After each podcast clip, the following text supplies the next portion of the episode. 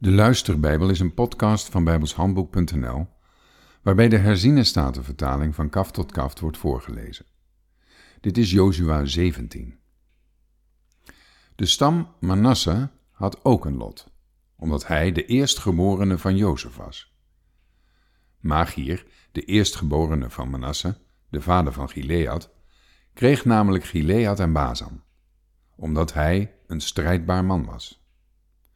Ook kregen de overgebleven nakomelingen van Manasse een deel naar hun geslachten, namelijk de nakomelingen van Abiezer, de nakomelingen van Helek, de nakomelingen van Assyriel, de nakomelingen van Sechem, de nakomelingen van Hever en de nakomelingen van Semida.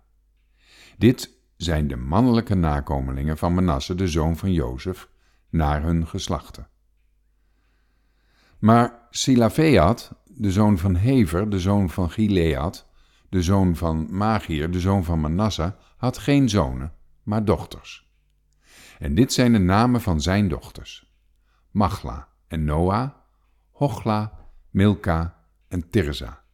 Deze kwamen naar voren bij Eleazar, de priester, en bij Jozua, de zoon van Nun, en bij de leiders en zeiden: De Heere heeft Mozes geboden ons een erfelijk bezit te geven te midden van onze broeders. Daarom gaf hij hun naar het bevel van de Heere een erfelijk bezit in het midden van de broers van hun vader. En aan Manasse vielen tien delen toe, behalve het land Gilead en Bazan, dat aan de andere kant van de Jordaan ligt. Want de dochters van Manasse ontvingen een erfelijk bezit te midden van zijn zonen. En het land Gilead was voor de overgebleven nakomelingen van Manasse. De grens van Manasse loopt dus van Azer af tot Migmetat, dat tegenover Sichem ligt. Deze grens loopt vervolgens in zuidelijke richting naar de inwoners van En Tapua. Het land van Tapua behoorde wel aan Manasse toe, maar Tapua zelf, aan de grens van Manasse, behoorde aan de nakomelingen van Ephraim toe. Daarna loopt de grens naar beneden naar de beek Kana zuidelijk van de beek. Deze steden zijn van Ephraim te midden van de steden van Manasse. De grens van Manasse ligt ten noorden van de beek en zijn eindpunt ligt bij de zee. Naar het zuiden toe was het van Ephraim, naar het noorden toe was het van Manasse. En de zee was zijn grens. In het noorden reikte zij tot Azer en in het oosten tot Issachar. Want Manasse bezat in Issachar en in Azer, Betsean en de bijbehorende plaatsen, Jibleam en de bijbehorende plaatsen, de inwoners van Dor en de bijbehorende plaatsen, de inwoners van Endor en de bijbehorende plaatsen, de inwoners van Taanach en de bijbehorende plaatsen, en de inwoners van Megiddo en de bijbehorende plaatsen, drie landstreken. De nakomelingen van Manasse waren niet in staat de inwoners van die steden te verdrijven, want de Canaanieten wilden in dat land blijven wonen.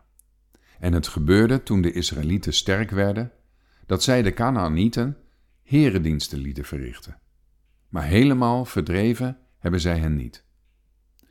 Toen zeiden de nakomelingen van Jozef tegen Jozua: Waarom hebt u mij als erfelijk bezit maar één lot en één deel gegeven? Terwijl ik toch een groot volk ben, aangezien de Heere mij tot nu toe gezegend heeft. Jozua zei tegen hen, Indien u een groot volk bent, ga dan naar het bos en hak daar voor uzelf de bomen om in het land van de Feresieten en van de Refaïten, omdat het bergland van Ephraim te klein voor u is. Toen zeiden de nakomelingen van Jozef, dat bergland zal voor ons niet groot genoeg zijn.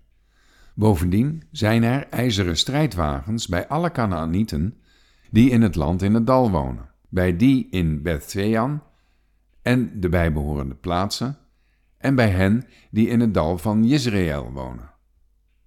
Daarop zei Jozua tegen het huis van Jozef, tegen Ephraim en Manasse, U bent een groot volk en u hebt grote kracht.